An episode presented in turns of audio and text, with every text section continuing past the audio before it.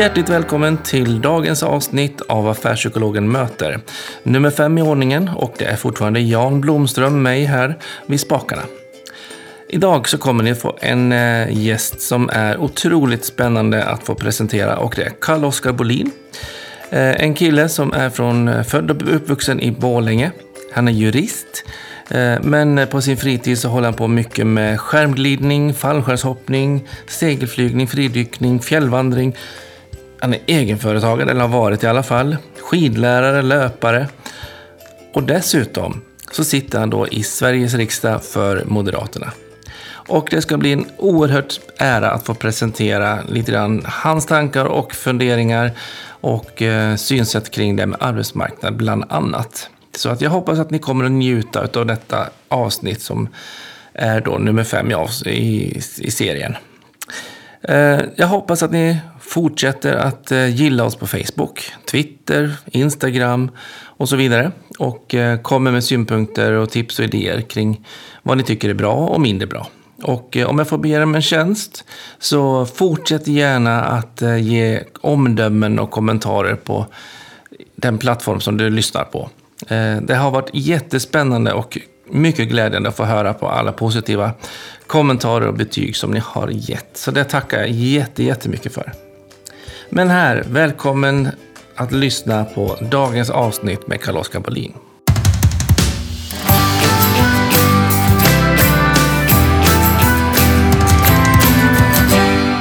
Hjärtligt välkommen Karl-Oskar Bolin till Affärspsykologen möter. Tusen tack, fantastiskt roligt att vara här. Ja, kanon.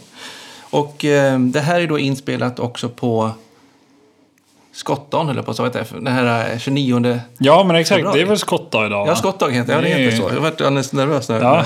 jag sa fel där. Um, så det är en unik sändning helt enkelt. Det är en unik inspelning, för den händer ju inte så ofta. Nej, verkligen. Så att det här ska bli spännande. Uh, hur har dagen varit hittills? Dagen har varit bra. Jag tror att liksom när man klev upp i morse så fick man känslan av att det här kanske var nästan den första vårdagen. Åtminstone så känns det så här på Gotland. Hemma i Dalarna var det rätt kallt om öronen i morse. Ja. När jag stod och väntade på tåget för att bege mig hitåt. Då. Men, men här är det ju det är helt fantastiskt. Så det är svårt att inte vara på bra humör tycker jag. Verkligen. Knallblå himmel. Solen lyser. Snödropparna faktiskt ganska fullt. Gulsippor är fullt av. Mm. Tulpanerna börjar växa upp. Ja, på Gotland är det Hopp om livet. full vår. Mm. Okej, okay. Karl-Oskar, du sitter ju idag eh, i riksdagen. Och, mm. Men du börjar någonstans ditt liv som brukspojk från Bålänge. Ja, ja jo, men så kan man väl säga i, i någon mening. Alltså att jag är född och uppvuxen i, i eh, Borlänge som då var och väl egentligen fort, fortfarande är men liksom en bruksstad i transformation. Eh, som kan man säga var på väg ur en identitet och kanske inte riktigt har hittat sin nya identitet. Även om liksom, jag vet inte, det känns som att kommunloggan nästan skulle kunna bytas ut mot en kundvagn ibland. Det är, liksom, det är en liksom- köpstad. Ja, det är en, köpstad och köpladorna är många och sådär. Men Frågan är vad stadens identitet är. Men det, det är liksom min bakgrund. Jag är född och uppvuxen där och har väl sett eh, kanske liksom stadens begränsningar i många avseenden. Det har varit liksom ganska mycket jantelag och sådär när man har vuxit upp. Och så då. Har du märkt av det själv personligen också?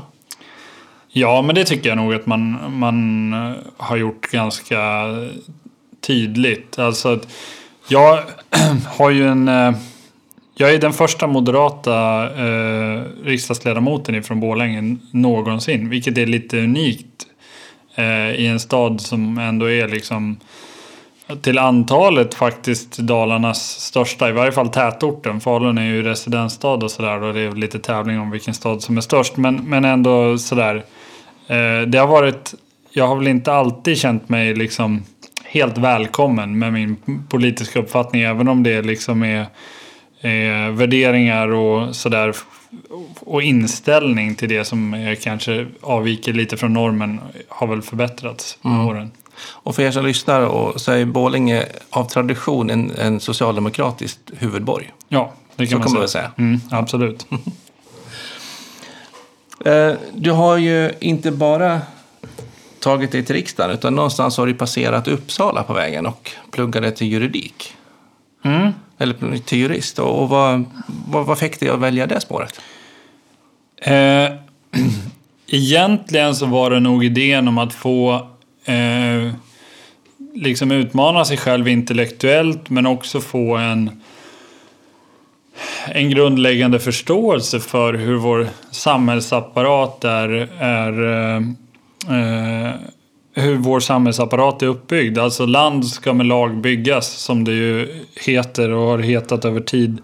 Eh, och jag menar att är man okunnig om hur liksom systemet fungerar så blir det väldigt svårt att försöka förändra det och påverka det. Så att, eh, för mig var väl ansatsen när jag började läsa juridik att det här är nog någonting jag kommer att ha nytta av oavsett vad jag väljer att göra. Jag har varit inne på liksom väldigt många olika spår. Jag, när jag började plugga juridik så drev jag en liten firma samtidigt och då var nog tanken att liksom, ja, så snabbt som möjligt växla över till att hålla på med den. Lite senare under mm. utbildningen så var jag Eh, övertygad om att jag ska nog eh, läsa sjörätt eh, och fördjupa mig inom det. Jag har varit inne på att bli offentlig försvarare, alltså då brottmålsadvokat. Ja.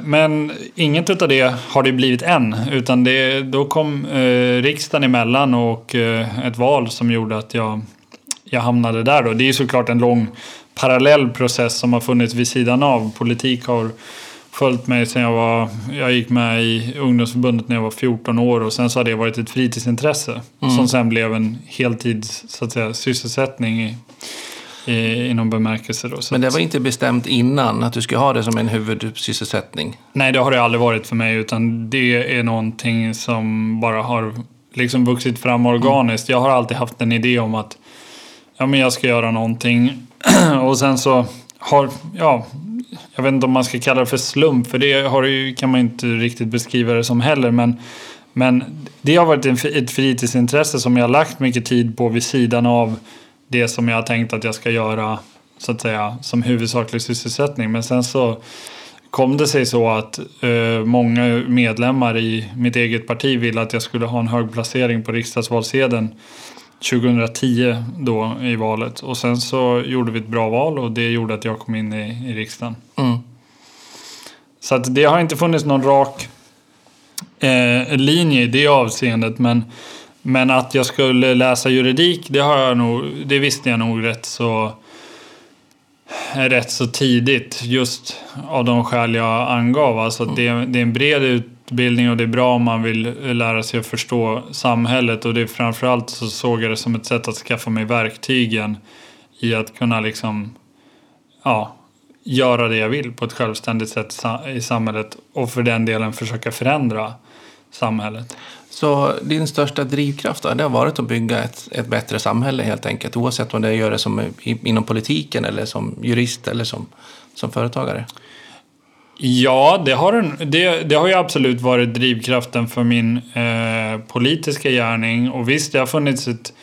Det fanns ett spår av det eh, i mitt företagande eh, också.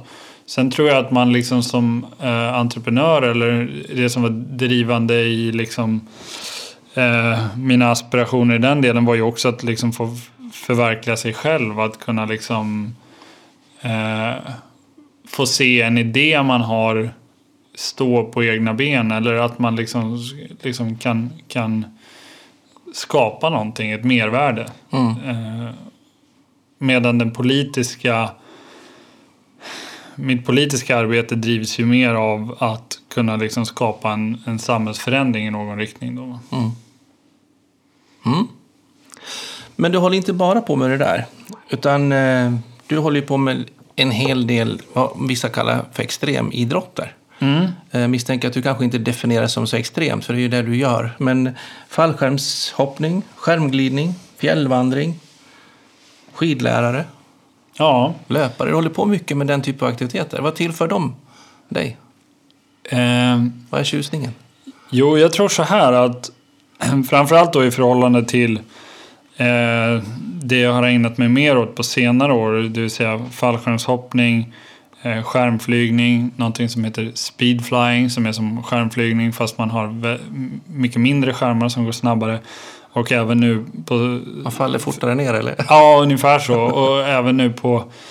I, i eh, somras så tog jag då steget och eh, ägnade mig åt eh, base jumping som är som fallskärmshoppning fast man hoppar från fasta objekt. Alltså inte från flygplan utan från berg då till exempel. Mm. Men den gemensamma nämnaren i, för alla de här aktiviteterna, för, för ett utomstående öga så framstår de ju säkert som liksom extrema och våghalsiga och jättefarliga. Så det, jag drivs ju inte på något sätt av någon slags eh, dödsförakt eller eh, sådär, utan det handlar mer om att kunna hitta en hobby och ett fritidsintresse där man verkligen är där och då. Liksom. Där ingenting annat eh, liksom kan uppta ens, eh, en sinnesnärvaro. Närvaro. och det har blivit nödvändigt tror jag framförallt för mig därför att om man befinner sig i en tillvaro där man helt plötsligt får jobba med sitt fritidsintresse på heltid, då blir man aldrig ledig. Då är man liksom hela tiden i tanken i det där. Eh, och det tror jag i grunden, jag tror, jag tror att man måste kunna koppla bort det någon gång för att liksom få synapserna att funka. Det, det där kan du bättre än jag, så det får väl du hålla en föreläsning om. Men, men just det här att, eh, att kunna koppla bort det och bli liksom ledig inom citationstecken.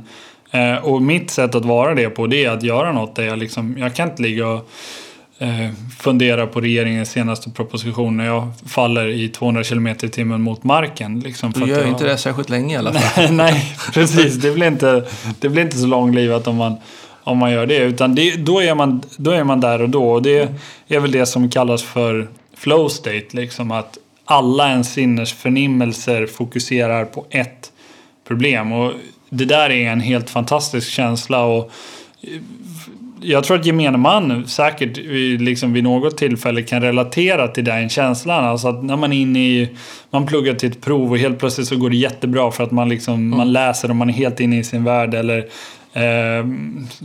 man tittar på en hockeymatch eller vad det nu är, än är som får en att hamna i det här läget. Det är eh, det är väldigt nyttigt tror jag. Därför att man får liksom ladda om batterierna. Så, och så, brukar folk fråga mig så här, men, men hur kan du liksom bli pigg av att när du har haft en tung, lång arbetsvecka gå upp och skida på ett fjäll och slita ut dig så in i bomben och sova i tält och frysa arslet av det liksom och komma tillbaka på måndagen och ha mer energi än vad du hade på fredag eftermiddag. Eh, Så, brukar jag försöka förklara att det är liksom inte det är inte, eh, det är inte fysisk utmattning liksom att, att jobba hårt i eh, riksdagshuset utan det är en annan typ av prövning. Liksom, Och då behöver man bryta av det på något sätt. Och då får du den balansen med det. Ja, så, så har det funkat för mig i alla fall. Så det är... eh, Det är väl en av anledningarna, men sen ser jag så här, jag har alltid varit en fartåre och jag tycker det är kul när det går fort och liksom sådär. Testa gränserna lite grann och Ja, vara on the så. edge liksom. Ja. Så att, Får du, vad får du för reaktioner hos dina politiska allierade då?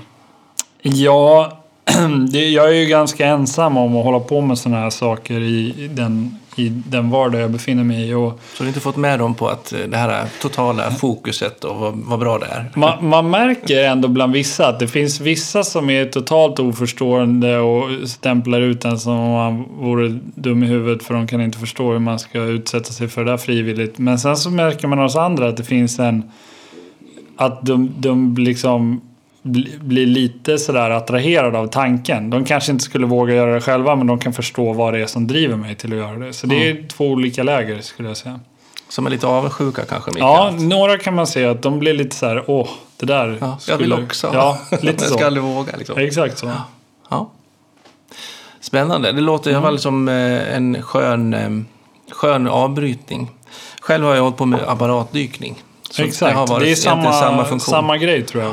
kan man är det på mig. 30 meters djup. Ja. Och man liksom, då, Då är man kan där man, då, liksom. Ja, man kan inte sitta och tänka på så mycket annat. Utan då, då Mm. är man otroligt i dykningen. Mm. Och kunna gå en hel dag och grubbla på om man ska ha en halv kilo bly till eller inte. Liksom dagens stora fråga. Jättebra kontrast till alla andra stora komplexa frågeställningar man går runt och grubblar på. Ja men det där är också eh, kan jag säga en av liksom när man är inne på var, varför är det där eh, viktigt. Det är för att när man befinner sig i liksom någonting, ett intensivt arbete, då kan man få en liten mikropaus Mm. genom att bara låta tanken vandra iväg på hur ska jag hoppa ut från det där berget? Liksom? Mm. Hur ska jag göra? Så går man igenom det i tanken och det tar inte mer än 15 sekunder och sen så är man tillbaka i liksom eh, verkligheten och vardagen igen. Och Mm. just att ha den kroken i tillvaron att kunna hänga upp. Det behöver inte vara så att det sker så särskilt ofta bara för att man ska kunna relatera till det i tanken och få en liten sådär energiinjektion liksom. Så istället för att somna i riksdagsstolen så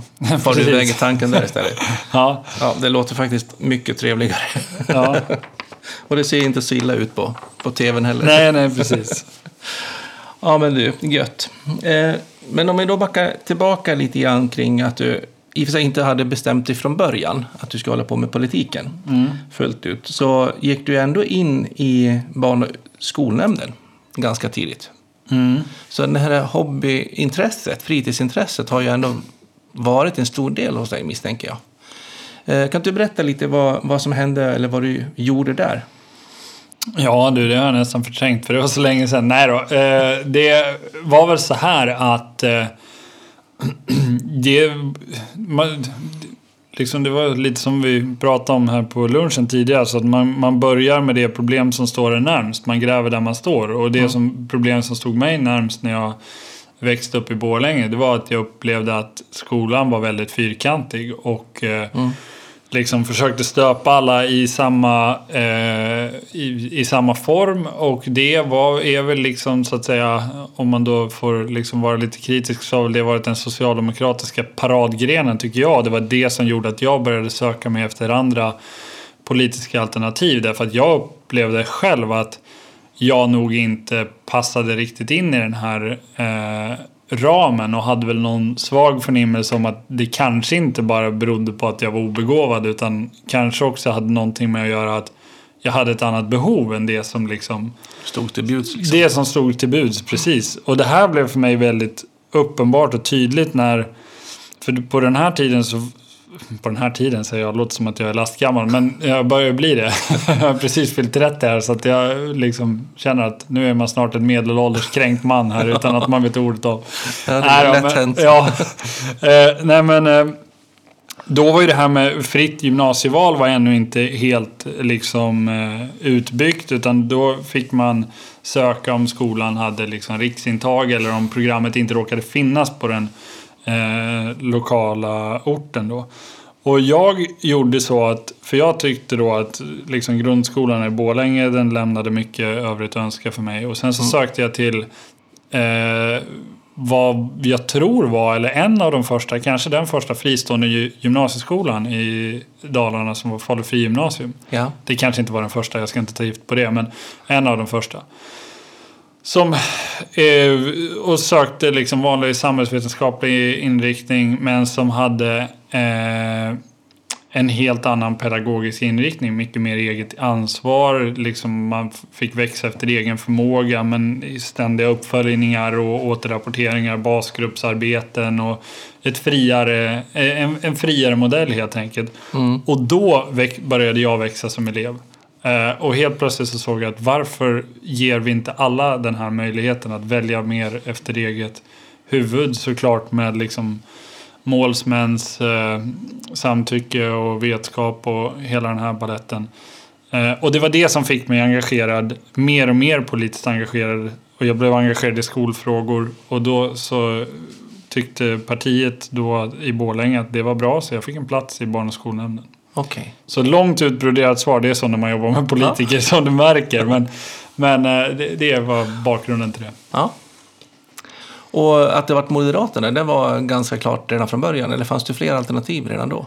Eller redan då? Fanns det fler alternativ då?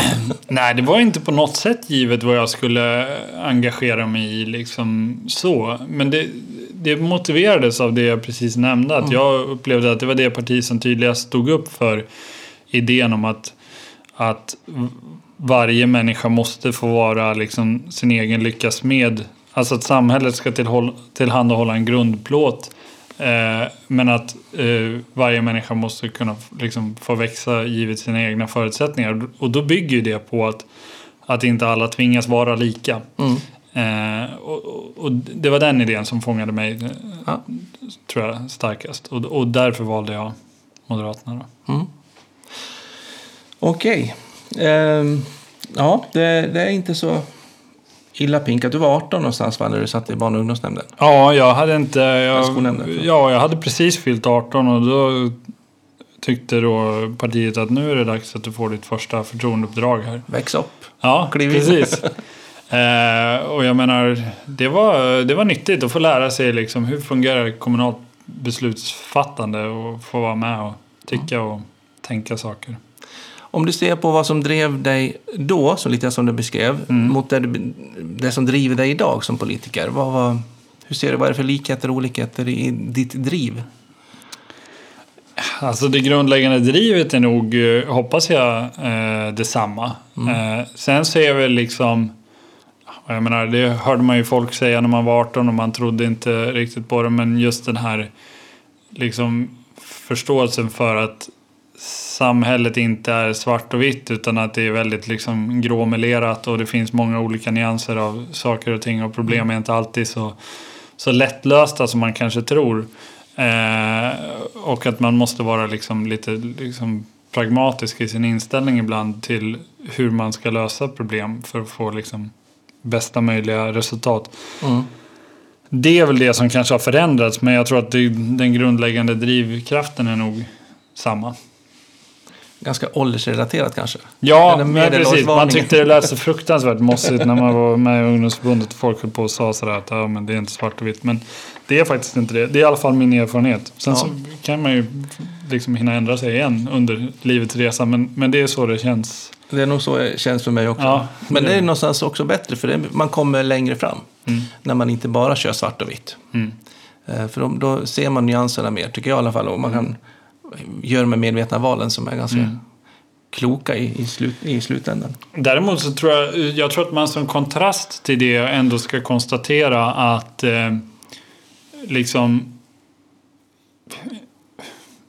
ungdomsgenerationen, det låter, lite, det låter som ett så här konstigt begrepp att exkludera sig själv från en, från en åldersgrupp som man kanske befinner sig i. Men just det här med att om det finns en fördel med att betrakta saker och ting mer svartvitt så är väl kanske det att man vågar peka ut en riktning tydligare. Alltså man vågar vara djärvare, man vågar vara normbrytande. Och det är väl någonting jag försöker att liksom inte tillåta mig själv att liksom bara falla in i gammal vana och gamla normer och liksom jag försöker utmana mig själv intellektuellt och liksom så här tycker jag, tycker jag sådär bara för att jag förväntas tycka det? Eller liksom är det verkligen det är det, eller tycker jag det på riktigt liksom? Är det, är det verkligen vad jag känner och så, sådär så att det, man ska inte bara liksom säga att eh, åh, men när man växer upp så blir man klok. När man växer upp blir man också liksom segare, tycker jag, i sitt liksom i, sin, i att vara beredd att ompröva saker och ting.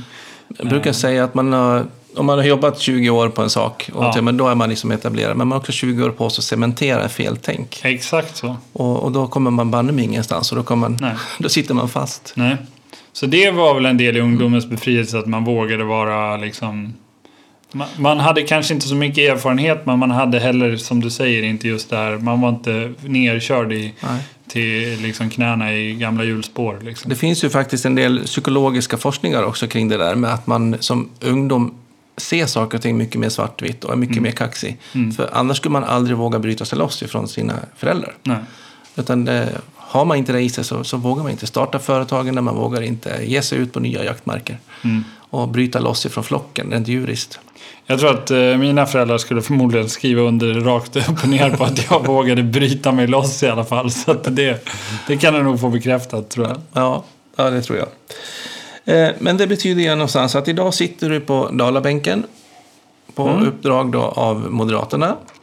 Ja, eller på uppdrag av eh, dalfolket. Dalfolket. Får man nästan säga. Alltså, jag, det, jag, det är ju lite tudelat det där. För jo, jag har ju fått platsen av, av, av mitt parti så att säga. Det ska man inte förringa.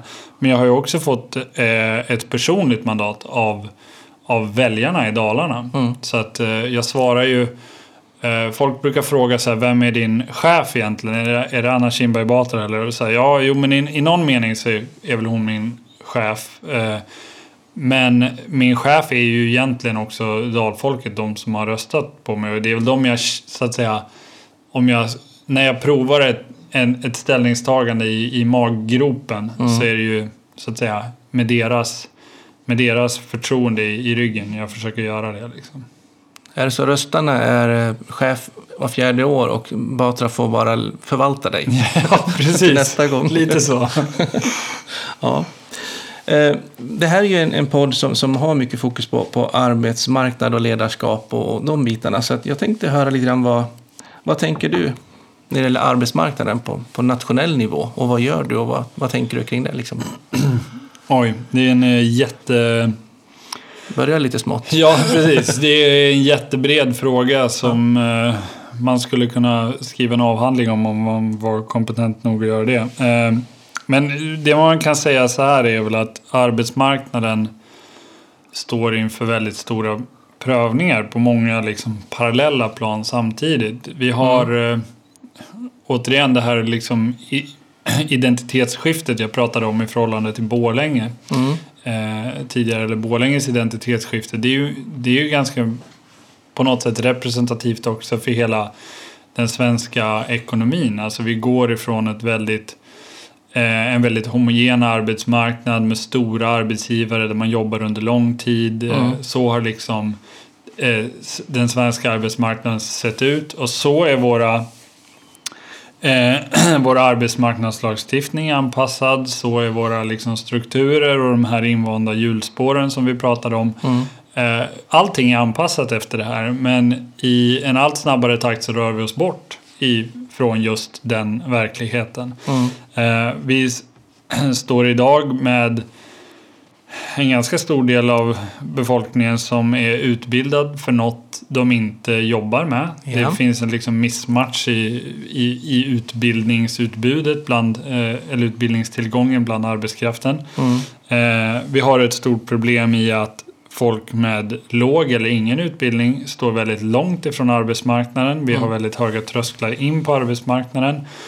Och vi har eh, just nu en väldigt stor grupp människor som har kommit hit på flykt undan eh, krig, förföljelse och förtryck. Mm. Med liksom med stora, så att säga, naturligtvis stora intellektuella tillgångar men också stora liksom, eh, psykiska umbäranden som man har varit med om eh, i sina hemländer och på, vägen, eh, och på vägen hit.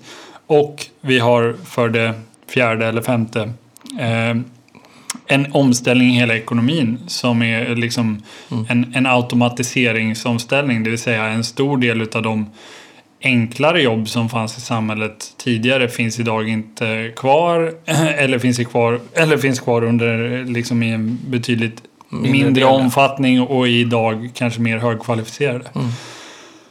Och det här gör ju att från en politisk synvinkel så blir min, min slutsats eh, att samhället, vi måste gå före för att våga liksom ställa om inför den, den arbetsmarknad vi, vi möter idag. Vi måste reformera till exempel. Men gör man det någonting alls som du ser det? Nej, jag tycker att det görs i alldeles för liten omfattning idag. Helt enkelt därför att, och jag menar det här är ju då en, en så att säga partipolitisk eh, kritik. Därför att det, det är så att säga ut, utifrån min horisont. Jag, liksom, alla har sin horisont och min horisont är att eh, nuvarande regering i kombination med en liksom fackföreningsrörelse som, alltså framförallt då LO-rörelsen, förhåller sig inte till hur liksom omställningen på arbetsmarknaden är idag. Utan de är fortfarande kvar i det här tänket i liksom hur arbetsmarknaden såg ut för kanske 40-50 år sedan i Sverige. Eller 30 år sedan.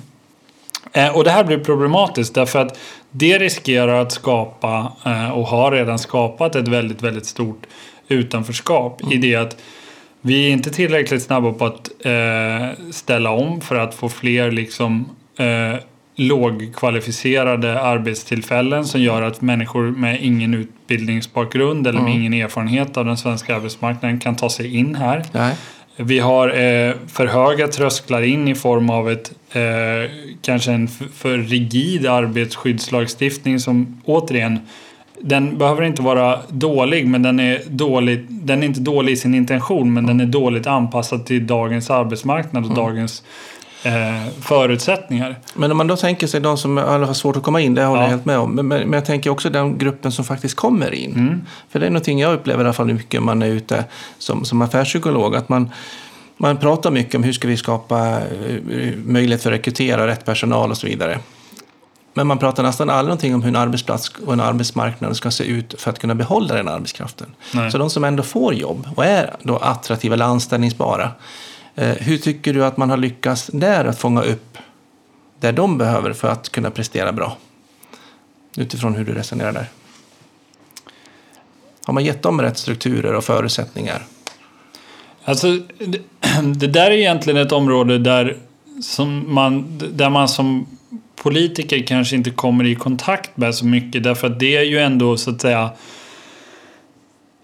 ur ett, ur ett liksom nationalekonomiskt perspektiv så är det ändå en, en del av arbetsmarknaden som fungerar. Även om det naturligtvis kanske inte är sam, samhällsekonomiskt helt optimalt att eh, liksom eh, folk roterar för mycket i, liksom, på sina arbetsplatser därför att man inte liksom, är nöjd med hur man kommer till sin rätt på, eh, på, på den liksom, lokala arbetsplatsen.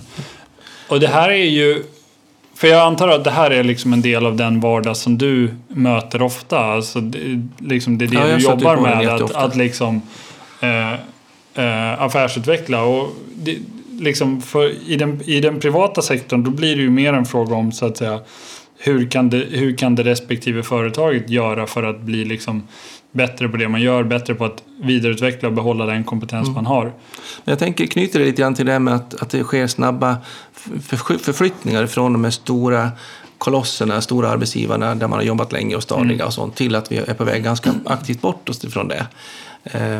För, för, för mig ligger det mycket i den typ av strukturfrågor som i mitt perspektiv i alla fall är, borde vara politiskt och som inte jag upplever att man från politikens, politikens håll tar i så mycket. Just därför att de är ju ändå hemma någonstans, de är Mm. inte ett problem. Eh, Men, men, men den fackliga rörelsen som, som faktiskt eh, inte liksom har hängt med, kan jag tycka i alla fall. Eh, de fyller en jätteviktig fun- funktion, men de borde också känna sig ännu tryggare i att vara, vara en modernare roll och inte liksom bevaka det traditionella. Men om jag, om jag liksom vänder på kuttingen och frågar dig då. Vad, hur, vad skulle du beskriva som samhällsproblemet som du ser? Eller som du ser det? Samhällsproblemet är att vi inte får någon effektivitet. Mm. Helt enkelt att man, man har personalkostnader, man, klart de belastar inte samhället i form av bidrag och sådana saker. För att folk roterar för mycket i sina... Man noterar och man, man får för lite effekt i, i själva verksamheten. Ja. Det är för lite kommunalnytta, medborgarnytta om man jobbar i kommunal verksamhet. Mm. Eller en vinst på sista raden som blir för låg i Mm. förhållande till vad man skulle ha kunnat prestera. Mm.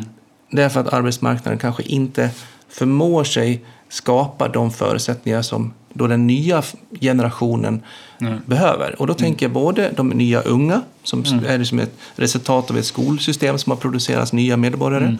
men också de som är på flykt och andra typer av, av grupper och intressen som finns på arbetsmarknaden idag. Mm. Så att den är ju, arbetsmarknaden är ju stadig, är min bild, på, på, på att hantera de traditionella värdena på arbetsmarknaden, i arbetskraften. Men vi har inte så stor spännvidd som täcker in den mångfacetterade mosaiken av olika behov för att kunna prestera på en arbetsmarknad idag. Så det ena är ju att komma in på arbetsmarknaden och det andra är att kunna få prestera bra på en arbetsmarknad. Och jag tror faktiskt att, så att säga, politiken är möjligen lite blind för just det du pratar om. Därför att man är, eller vi är, tror jag, väldigt fokuserade på att lösa det, det som är det akuta problemet. Det vill säga att vi har ett gigantiskt liksom, strukturellt utanförskap där vi har en, en stor grupp utav framförallt eh, unga och utrikesfödda som aldrig har fått liksom, en chans att komma in på arbetsmarknaden och då blir det liksom allt det andra eh, på något vis sekundärt. Men om man ska försöka liksom, eh, och det, adressera det problemet så tror jag att liksom och det är väl också lite det du eh, sätter fingret på i, i dina böcker som jag uppfattar att liksom, vi har eh, arbetsplatser som är designade i det här gamla tänket som är liksom eh, de är stora eh, kollektiva enheter där man blir liksom en liten kugge mm. medan många unga människor de, de, ser liksom sin biljett in i arbetslivet. Det är, en, det är en plats där man förverkligar sig själv. Man kan absolut göra nytta och bra saker för ett, för ett företag mm. men i första hand är man individ så att säga. Man mm. är individualist. Men man ges inte ett ramverk som, som eh, eh, så att säga matchar med den egna uppfattningen om, eh, om vad man är där för att göra eller vad, liksom, den egna rollen så att mm. säga. Och där tror jag att vi måste helt enkelt, så att säga, svenska arbetsgivare måste om man vill kunna bibehålla sin konkurrenskraft, vilket ju är en nyckelfråga för att vi ska kunna ha liksom ha någon välfärd eller liksom några mm. aspirationer på att vara ett rikt samhälle. Så måste man ju också förhålla sig till liksom vad är den unga eller den nya arbetskraftens eh, behov i ett liksom, kunskapsorienterat samhälle? Hur skapar vi förutsättningar för att mm. vi ska få fler guldklockor även i framtiden? För mm. det är ju mm. inte per definition sagt så att bara för att man vill förverkliga sig själv så måste man byta arbetsgivare 18 gånger under sitt liv. Nej. Men det är kanske det, den struktur på arbetsmarknaden vi har skapat i tron att liksom, så här ska det vara. Mm. Men unga människor har en annan uppfattning om hur det borde vara. Och en till effekt i, om man inte tar i den frågan det är ju att de man då väl får in i arbetsmarknaden de studsar ju ut igen, mm. upplever jag. Därför att man inte kan ta emot dem på ett bra sätt. Mm. Och då blir det ytterligare att göra ett, ett bidrags beroende någonstans. Att samhället skapar en gräddfil in mm. för att man överhuvudtaget ska kunna vara, fortsatt vara anställningsbar. Mm. Mm. Så att, eh, ja. Men eh, då, då, då är ni lite blinda för, för den delen och det blir lite marginellt problem ska, kanske. Ska, som du sa, men... Ska, jo, men jag ska inte säga det, men jag, jag tror att liksom så att säga det är klart att man, man eh, alltså politiken blir ju fokuserar ju nästan alltid på det mest akuta problemet och det kan väl i och för sig vara ett, liksom, eh, ett tillkortakommande men det är, ju, det är väl också nödvändigt liksom, att man, man, man riktar sitt fokus där det, där det liksom, eh, behövs mest. Men jag tror att liksom, för, för att vi politiker är ju inte bara liksom ett gäng beslutsfattare som sitter uppe i Stockholm utan det är ju också vi som befolkar alla liksom, kommunfullmäktigen och nämnder runt mm. om i landet. Och jag tror att liksom, om det är någonting som politiken verkligen borde ägna sig åt att bli bättre på så är det ju att vara en bättre arbetsgivare. För jag menar, hur många i detta land har inte en offentlig arbetsgivare? Mm. Och eh, titta på hur det såg ut för, för eh, ja, återigen 40-50 år sedan. Då det finaste du kunde göra det var att vara anställd inom staten mer eller mindre. Mm. Det var extremt eh, statusfyllt. Mm.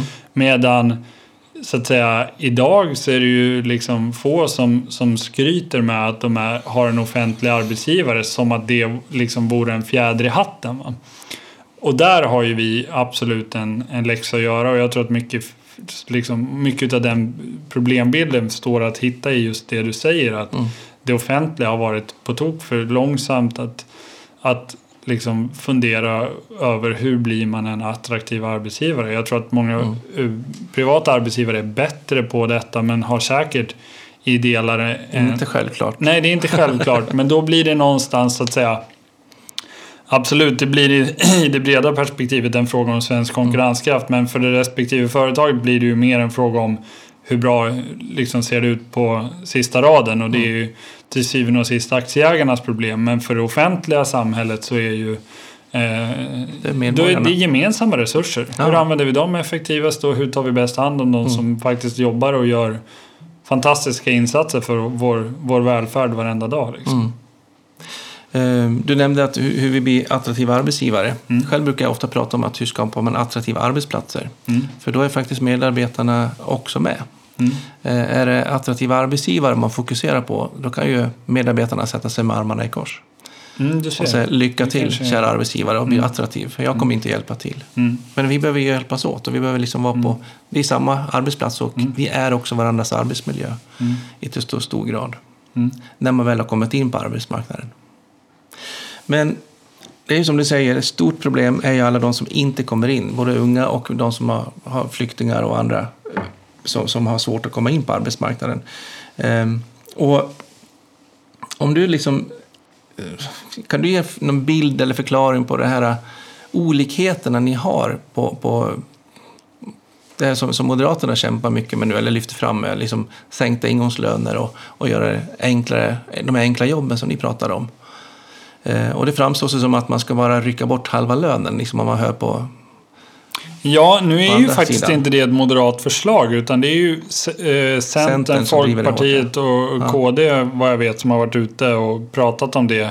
Och så här, jag tror att jag, jag tror så här att jag tror dels att det, det, det blir lite svårt när politiken försöker på ett väldigt tydligt sätt lägga sig i lönebildningen. Det blir inte alltid helt helt optimalt. Men det de har försökt adressera och det som även Moderaterna har försökt eh, adressera, kanske inte just med det förslaget då, men det är ju att trösklarna in på arbetsmarknaden är för höga. Och en del i det är ju att vi i Sverige har en väldigt liksom sammanpressad lönebildningsstruktur. Och det leder ju fram till att en person som är väldigt, väldigt erfaren kostar i princip lika mycket att anställa eh, som en person som är oerfaren i ett yrkes d- där liksom förkunskapskraven är låga. Och varför ska man då inte ta det säkra för det osäkra och ta den eh, som har ett långt CV eh, och man vet att liksom, den här personen kostnad. kan göra det. Ja, precis.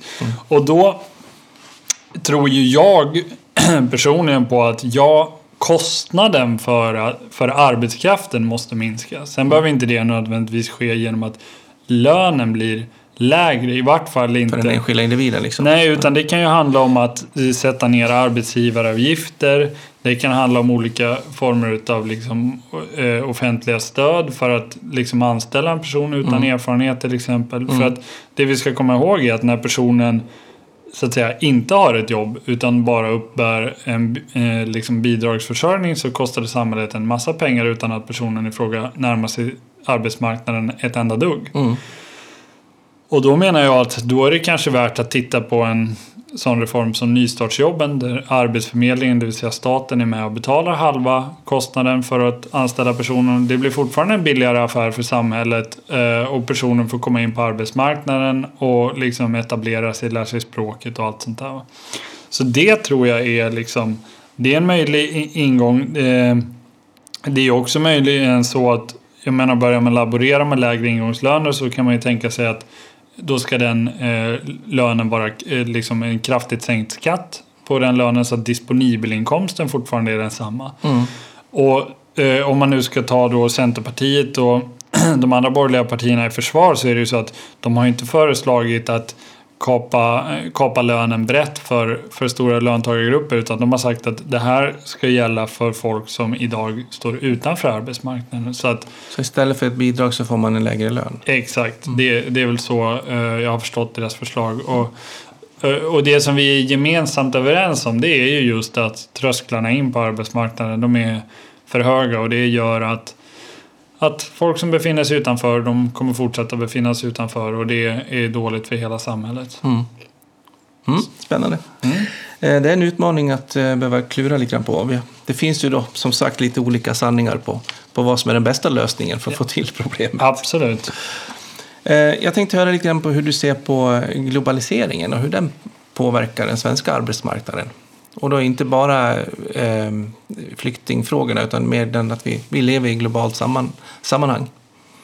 Ja, jag är ju en stor vän av eh, globalisering i botten. Eh, jag menar, globaliseringen är ju i, i grunden någonting som har skänkt oss ökat välstånd. Sverige är en väldigt framgångsrik eh, exportnation. Eh, våra liksom, största företag hade aldrig kunnat bli så stora som de idag är utan globalisering. Eh, globaliseringen har minskat eh, fattigdomen i världen eh, på ett sätt som ingen biståndsreform någonsin har, har kunnat göra. Va? Utan det är en eh, den är välgörande. Mm. Därmed inte sagt att den inte skapar utmaningar och kanske kortsiktigt också eh, ibland problem. Därför att Precis som att globaliseringen innebär att vi ska få sälja våra varor någon annanstans så innebär det ju också att vi blir utsatta för resten av världens konkurrens såklart. Mm. Och det innebär ju att vi måste eh, se till att vara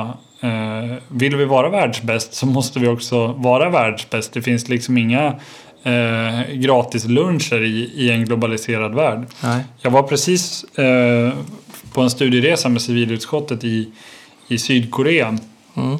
Eh, och det var fascinerande att besöka en ekonomi som för 60 år sedan var en av världens absolut fattigaste och som på 60 år har blivit en av världens absolut rikaste och hur den här drivkraften att ta sig ur eh, fattigdomen fortfarande lever bland människor för det är liksom fortfarande samma generation som har gjort en Liksom, hela den resan? Ja, liksom. hela den resan är liksom en generation lång.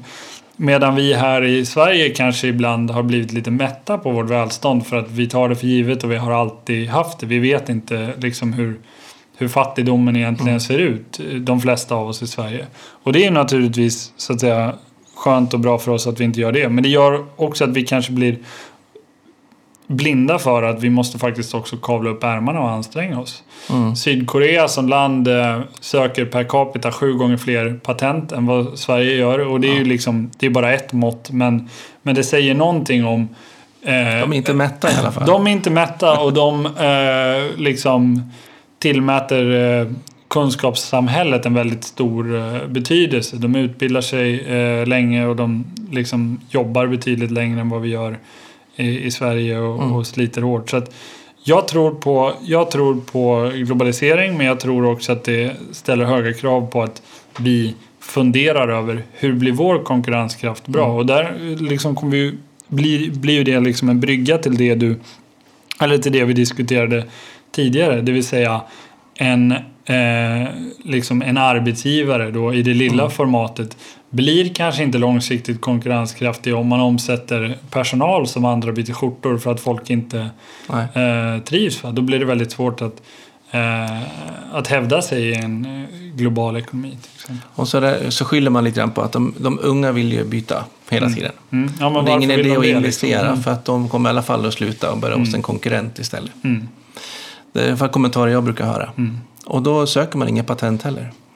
Nej, och då har man någonstans bara kapitulerat inför att så här är det. Mm. Inte frågat sig varför är det så att folk vill... Det finns ju inget egenvärde i att byta jobb om det inte är så att eh, man tror att man har bättre förutsättningar någon annanstans. Va? Mm. Det här blir lite spännande nu framöver för de som är eh, riktigt unga nu, de har ju vuxit upp mitt i en miljö där faktiskt de mest stabila förutsägbara faktorerna inte var stabila. Nej. Saab gick i konkurs, mm. Volvo blev såld, stora andra företag försvinner, mm. man tappar sin försörjning i familjen och så vidare. Mm. Så att det man börjar se mönster på nu, det är ju faktiskt att eh, de slår pendeln tillbaka lite grann på, vill ha mer ökad trygghet mm. och, och, och liksom behöver mer liksom, värdestyrningar mm. i, i sitt sätt att, att agera och fatta beslut på. Mm. Så att eh, ja, det, det, kommer fortsätta att förändras på arbetsmarknaden, så är i alla fall mm. saker som är säkra. Mm. Eh, om du skulle beskriva den viktigaste frågan för dig som politiker nu framåt, vad, vad skulle det vara för dig inom då ska, arbetsmarknad och arbetskraft? Ja, alltså finns det en fråga som jag tycker är den enskilt viktigaste så är det ju naturligtvis att vi ska nej, riktigt så här politikerprosa, men liksom öka arbetskraftsdeltagandet. Det vill säga se till att fler människor fler får jobbar. ett jobb att mm. gå till. För att mm. det är den viktigaste frihetsfrågan eh, för alla människor. Det är det som grundlägger liksom möjligheten att styra sitt eget liv, att bestämma över vad man vill göra. Eh, oavsett om det handlar om att liksom slå sig fri från sina föräldrar eller kunna försörja sina barn eller kunna försörja sig själv eller åka på den där semestern man har drömt om eller eh, vad det nu kan vara. Mm. Men det är ju också det som lägger grunden för att vi har någonting som vi gemensamt kan kalla för välfärd. Mm. Så att alla politiska åtaganden, alla eh, politiska ambitioner måste börja med att liksom, så många som kan eh, har ett arbete att, att gå till. Mm. Så det, det är den absolut viktigaste politiska frågan. Och eh, om man ser på en eh, lite mer vardag, grå vardag för dig då, eh, så har ju du din egen lokala lilla arbetsmarknad. Mm. Eh, hur ser du den största skillnaden för dig själv när du hade Reinfeldt som chef, förvaltare eller vad vi kallar dem för någonting förut? eller ja, Batra? ja, du tänker så. Har det Eh, påverkat något? Jo, men det är väl klart att det finns eh, skillnader i, i eh, ledarskapet. Jag, jag vet inte om jag egentligen har reflekterat över det så mycket. Jag tycker att eh, jag tycker att Anna Kinberg Batra är väldigt liksom, inkluderande och eh, lyssnande men ändå liksom kan och vågar peka med hela handen. Det tror jag är liksom väldigt viktigt när man Mer inlyssnande än Fredrik? Ja, ja, kanske något. Eller Eh. att man lyssnar mer på dig? Ja, så kan det ju också vara. Det kan ju vara så att, att ja men exakt. Eh, nej, men, nej men det tror jag kanske är en, en eh, skillnad. Men samtidigt så ska man ju också vara klar över att min, eh, m- min vardagssituation styr ju jag liksom extremt mycket själv. Jag, det finns ingen som talar om för mig vad jag ska och inte ska göra. Jag sätter min egen agenda, jag engagerar mig i de frågor jag Mm. tycker är, är viktiga och jag driver den opinion som jag vill. Så att, Mm. eh, eh, Det lät illa.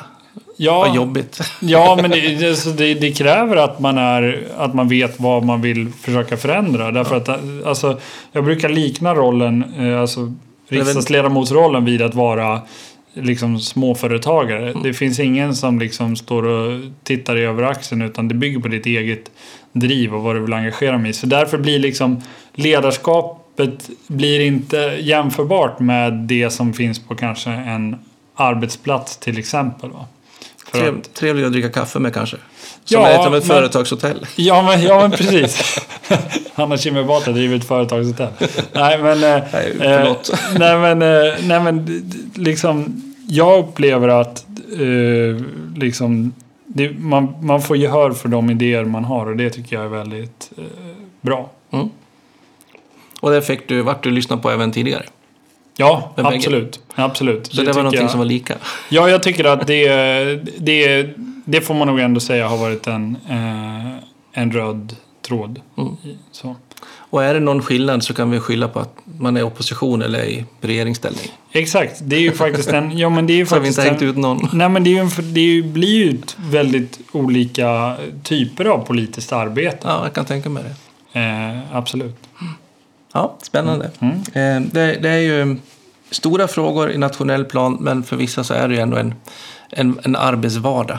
Och en liten en grå, grå vardagsrutin även där. Ja, den är väldigt färgstark när man får komma till Gotland ibland också. Precis. Så är det ju. Eh, jag tänkte faktiskt höra lite grann så här på slutet om eh, du har någon tanke på någon gäst som du skulle tycka var spännande att få höra på här på Affärspsykologen möter. Ja, det är sådär. Nu ska man ju försöka hantera den här frågan på... Eh, Seriöst och grundligt. på volley sådär. För det finns ju det finns väldigt mycket inspirerande personer som både som jag har förmånen att lyssna på och träffa i min vardag. Det är ju Ja. en av de verkliga liksom ynnestarna man har med, med det här uppdraget. Att man får, man får träffa och möta väldigt många spännande personer. Uh, nu ska jag ta någon bara sådär från toppen av mitt huvud. Jag tycker ju att det vore spännande att höra eh, kanske någon utav eh, de stora men ändå moderna arbetsgivarna i Dalarna och vad de gör för, eh, för eh, liksom unga människor som kommer in på arbetsmarknaden. Jag tänker inom Mm. till exempel besöksnäringen. Det finns ju många exempel. Eh, Skistar är ett sådant företag som anställer många unga som Just det. Mats eh, Orgers. Mats Orjes till exempel. Eh, eh, Rom Alpin, samma sak i min Ja. egen eh, hembygd.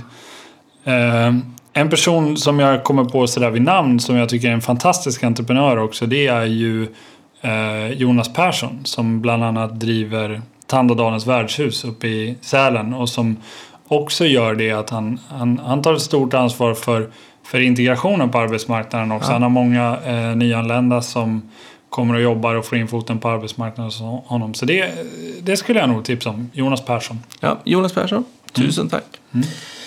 Eh, om du har något eh, riktigt bra framgångstips då till eh, att få ett förändringsarbete. Du, du ska ju försöka förändra Sverige. Eh, För att få ett förändringsarbete att bli så riktigt lyckat, vad, vad är dina liksom, främsta tips där? Det kanske låter som en klyscha men det är ju... Klyschor kan vara bra. Ja, de kanske är klyschor av en anledning. Men alltså våga vara, våga vara liksom eh, normkritisk. Våga ifrågasätta alla gamla givna sanningar. Därför att de kan mycket väl vara gamla och givna av anledningar som inte alltid är rationella. Alltså konfrontera eh, konfrontera liksom eh, dina egna mänskliga biases. Du tror att du eh, agerar rationellt men i själva verket är du liksom ett offer för instinkter och nedärvda vanor. Så våga verkligen ifrågasätta liksom naturen i ditt handlande. Så här, varf, varför gör vi egentligen så här? Och om någon liksom på, liksom, låt folk ställa frågan varför gör vi egentligen så här? Och om du inte kan motivera det för någon, bli inte förbannad utan Försök fundera då, leta egentligen, svaret, liksom. fundera då egentligen på varför du gör så. Så att vi ska inte göra någonting som vi gjorde förr, bara för att vi gjorde förr. Det kan mycket väl vara så att det finns en anledning till varför vi gjorde det för men då ska man också kunna komma fram till vad den anledningen var. Liksom. Och att det fortfarande kan vara rätt att göra den. Ja, precis. Så våga utmana sig själv. Utmana givna sanningar. Yes. Eh, sen har vi kanske några som faktiskt tycker att det med förändring är jobbigt och skrämmande. Vad kan man ge för tips till dem? Som inte tycker det är så kul att ifrågasätta sig själv. Ja, men jag tror, jag tror att man eh, liksom... Återigen så måste man nog vara medveten om att, för det är precis som du säger, att det finns människor så, där förändring kommer att liksom stöta på eh, patrull. Och då ska man nog som, om man till exempel är arbetsgivare eller ja, vilken roll man än har, så ska man börja fundera över vad är, varför tycker den här parten att det här är ett dåligt förslag? Vad förlorar den här parten på att man gör så här? Finns det någonting man kan göra för att gå den här parten eh, till mötes? För det måste man ha ändå så här, det är lätt att avfärda och säga att människor är liksom egoister och alltid står sig själv närmast. Men man måste ändå ha respekt för att, så att säga, om man kliver in på någons domäner och territorium och ska börja ändra och vriva upp världen och förändra saker. Så får man ändå ha respekt för att folk står sig, sig själva närmst och försöka möta det. Liksom. Så här, kan, vi, kan vi på något sätt... Vi vill genomföra den här förändringen men kan vi på något sätt göra det så att den blir liksom eh, mindre jobbig för dig och också för någonting bra med sig för dig. Mm. Och där har vi kanske lite där som du sa tidigare, att, eh, att saker och ting är inte svart och vitt, utan man får ha med grånyanserna däremellan. Så Gå det. tillbaka, möta, lyssna, kolla vad behöver de. Så är det. Så inte driv på för hårt. Nej, eller, eller i vart fall identifiera vad, v, vad har den här personen för bevekelsegrund för att tycka att det här är dåligt. Identifiera vad är problemet liksom, hos varje enskild person och hur kan man då göra? För att när man väl har identifierat problemet så brukar man ofta kunna hitta en väg runt det eller lindra det eller liksom sockra på något annat ställe så att det blir ändå uthärdligt för alla och så får man till den förändring man ändå vill ha. Lite gammal kohandel med andra ord. Ja, absolut. Det kan Det funkar på bruket. Ja, precis. Ehm, ja, spännande. Hörru du, eh, är det någon fråga som vi inte har pratat om som du känner att du har laddat för? Ehm, nej, eftersom jag liksom, jag laddade inte så mycket utan jag kom hit med, försökte ha ett öppet sinne och svara Ja. på dina frågor efter, efter bästa eh, förmåga. Hur jag har lyckats med det låter jag andra eh, så att säga bedöma. Men, eh, men nej, jag tycker att det har varit ett spännande samtal och skulle kunna sitta här och babbla eh, jättelänge till. Men jag förstår att liksom, programtiden lider mot sitt slut helt enkelt. Det gör lite så. Om inte våra lyssnare ska bli hungriga eller någonting sånt där. Exakt. så får vi börja runda av. Eh, jättespännande att få lyssna lite grann på dina tankar och funderingar, Carl-Oskar Bolin. Tusen tack för att jag fick eh, komma hit och bli podcastad denna första vårdag. Tror jag vi får kalla det nästan. Ja, det kan vi nästan göra. Ja. Tusen tack. Ja, det var Carl-Oskar Bolin som jag fått lyssna på. Och eh, ja, för min del så har det varit en otroligt spännande eh, stund att få ta del av hans resonemang. Det känns som eh, han har en hel del idéer på vad han kommer att vilja åstadkomma de kommande åren. Så det ska bli spännande att följa han vidare i sin karriär. Hoppas också att ni har fått tips och idéer som ni kan eh, förvandla in i er verksamhet och era verk- tillvaron helt enkelt. Utöver det så hoppas jag att ni också fortsätter att gilla oss på Facebook, Instagram, Twitter under namnet Affärspsykologen. Och är ni lite nyfikna på vad jag brukar jobba med under övrig tid så gå in gärna på hemsidan på janblomstrom.se så kan ni se lite mer där. Och eh, till, till nästa gång så önskar jag er allt gott så hörs vi igen om 14 dagar. Tack hej!